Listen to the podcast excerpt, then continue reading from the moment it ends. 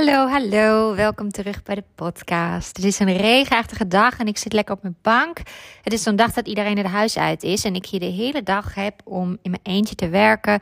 Maar wat er eigenlijk gebeurde was dat ik er helemaal geen zin in had. Ik wil gewoon met een dekentje op de bank. Ik wil een boek lezen.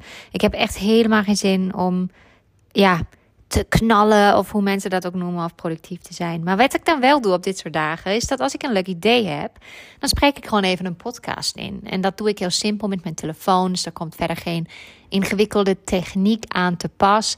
En vandaag wil ik het heel graag hebben over waarom ik nou Instagram zo'n fijn marketingkanaal vind.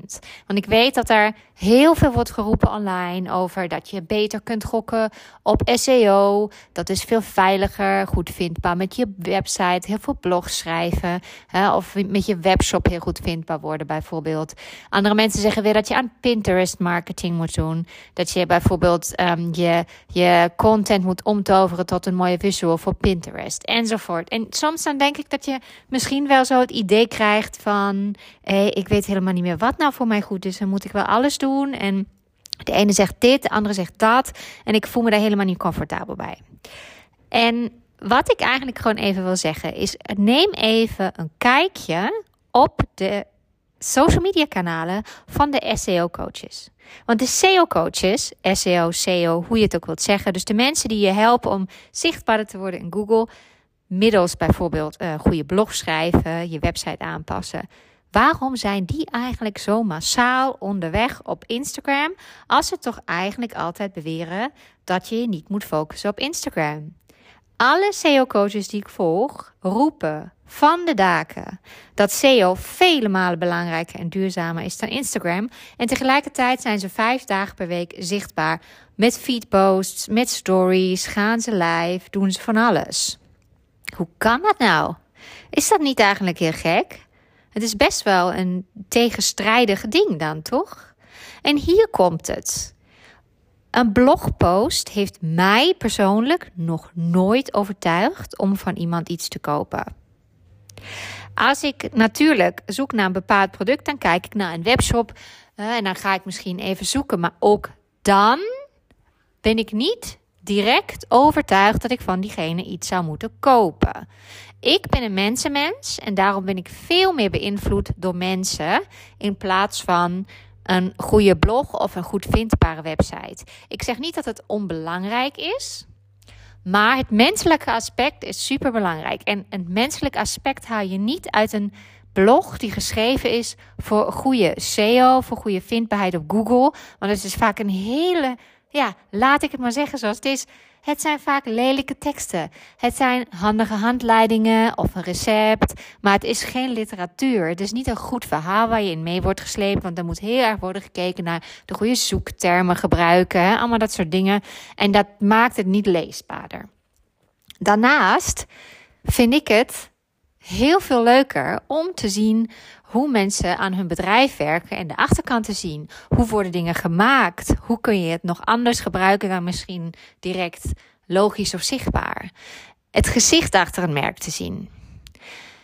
Ik heb nog nooit, ik heb natuurlijk wel eens gegoogeld en een product gekocht, maar ik heb nog nooit een online cursus gekocht. Gewoon op basis van een blog of een Pinterest plaatje.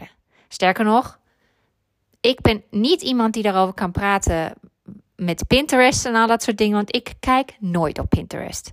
Ik zou niet eens weten hoe mensen op het idee komen om naar Pinterest te gaan en te scrollen. Dus dat zit zo ver van mij af, daar kan ik niks over zeggen.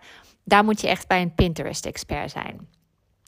En dan wordt er heel vaak gezegd: het is allemaal op social media niet duurzaam. Hè? Het heeft een kort leven. Een reel drie weken, een post eh, drie dagen, een story 24 uur. Maar dat is natuurlijk een heel makkelijke uitvlucht op het moment dat je iets wilt verkopen, wat volgens jou een langere leeftijd heeft. Maar waarom, als volgens jou Instagram te vluchtig en te kort en te niet duurzaam is, waarom ben jij dan toch elke dag jouw aanbod aan het promoten via Instagram? Ik kan het je vertellen. Dat komt omdat social media zoals Instagram, maar ook TikTok, hè, dat soort dingen. En ook trouwens een podcast en YouTube. Dus iets waar je mij ziet en mij hoort. En waar je ook contact kunt maken met mij. En dat geldt absoluut vooral voor Instagram. Instagram staat daar bovenaan. Dat is heel erg gericht op contact leggen in de vorm van comments, antwoorden, DM's, gesprekken voeren. Dat is zo essentieel voor het zichtbaar worden en een gevoel overbrengen. alles waarbij je met mensen direct in contact kon komen, waar mensen je stem kunnen horen of je gezicht kunnen zien terwijl je praat of iets voordoet. Dat is zo essentieel voor je merk. Dat ja, vindbaar worden met je website is natuurlijk belangrijk, maar het menselijke overbrengen en community opbouwen is veel belangrijker. Als het echt zo was dat Instagram totaal nutteloos was, als het echt zo was dat je door Instagram geen resultaten behaalt, dan zouden SEO-coaches alleen nog maar bezig zijn met hun eigen website en niks meer doen met Instagram. Dan zouden ze alleen nog maar blogs schrijven, zodat ze nog beter worden gevonden. En ik zeg niet dat het, hè, nogmaals, ik zeg niet dat het onbelangrijk is of dat het niet werkt, dat is natuurlijk niet waar. Stel je bent een lokale ondernemer, nou zorg vooral ervoor dat je ook heel goed vindbaar bent via Google, hè, want dat is waar heel veel mensen die al weten dat ze iets willen wat je aanbiedt, die gaan zoeken op Google.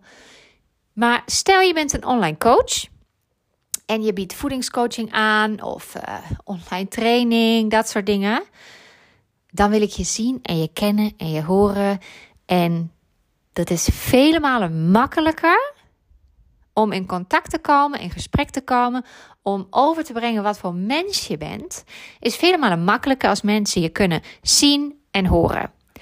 En daarvoor zijn de beste platforms TikTok, YouTube, een podcast of Instagram. Ik zeg TikTok en YouTube onderaan, want TikTok en YouTube zijn wel platformen waar mensen kunnen commenten, maar waar het veel meer gericht is op uitzenden. Heel veel mensen bereiken uitzenden, uitzenden, uitzenden. Je zult ook zien dat bijvoorbeeld op uh, YouTube is heel makkelijk om uh, ja, lelijke comments achter te laten. Uh, hetzelfde geldt voor TikTok. Um, en comments zijn ook niet zo lang, bijvoorbeeld op TikTok. Dus echt in gesprek gaan is moeilijker en werkt ook anders dan op Instagram. Op TikTok ga je eigenlijk vooral in gesprek door bijvoorbeeld een comment met een vraag. Kun je beantwoorden met weer een nieuwe TikTok. Dus dan is het weer in vorm van je pakt wel iets wat iemand heeft gevraagd, maar je zendt het uit. Een podcast is een hele fijne manier, omdat jij hoort nu mijn stem en het is een beetje alsof ik naast je zit aan de keukentafel. Of jij luistert naar mij terwijl je de was aan het vouwen bent. Je hoort de manier waarop ik praat, articuleer, uh, wat voor uitdrukkingen ik gebruik. En dat geeft je ook een gevoel van verbinding. En hier kun je niet commenten, maar je kunt wel met een podcast echt een persoonlijk gevoel overbrengen en een verbinding tot stand brengen. En mensen gaan je dan ook vaak opzoeken op andere kanalen. En Instagram is gewoon bovenaan al die kanalen. Want op Instagram kun je echt een community bouwen als je het op de goede manier doet. Dat mensen commenten, dat mensen vragen durven te stellen, mensen reageren op je stories en dat je hele gesprekken in DM kunt voeren. Dat is eigenlijk geen ander platform wat zo goed die gesprekken in DM uh, zo goed pusht eigenlijk als Instagram. Ik heb al zoveel mensen leren kennen via Instagram. Echt hele leuke contacten gemaakt. En eigenlijk, ja, het gros van mijn klanten komt uit Instagram en de podcast. Mensen komen ook natuurlijk naar je website en zullen je daar ook wel vinden. En dat is wel ook zeker iets wat je nog jarenlang heel goed kan helpen. Ik zeg niet dat dat niet zo is, maar denk er eens over na. Er is echt wel een reden waarom ook die mensen die roepen dat je niet op Instagram moet focussen en alleen maar op SEO of Pinterest of uh, dat allemaal dat soort platforms. Waarop, waarom die mensen ook gewoon continu zichtbaar zijn op Instagram. En ze roepen dan altijd van: ja, wat een nachtmerrie als je continu op Instagram moet zitten. Dat wil je niet. Je wilt natuurlijk liever je SEO goed. Maar ondertussen zitten ze zelf elke dag op Instagram. En daar is dus echt een goede reden voor. Ik hoop dat je iets hebt opgestoken van deze podcast. Als jij hulp wilt met je zichtbaarheid, met mindful zichtbaar worden voor de goede mensen op social media. Als je hulp nodig hebt bij het goed instellen van je Instagram profiel. Als je hulp nodig hebt bij sterke content maken waarmee je de goede mensen bereikt. Dus goede posts, reels, storytelling op Instagram. Of als je gewoonweg iemand nodig hebt die je helpt met lekker echt filmen en maken.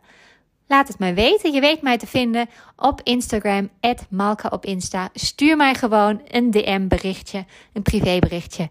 En ik kom heel snel bij je terug. Tot snel. Doei doei.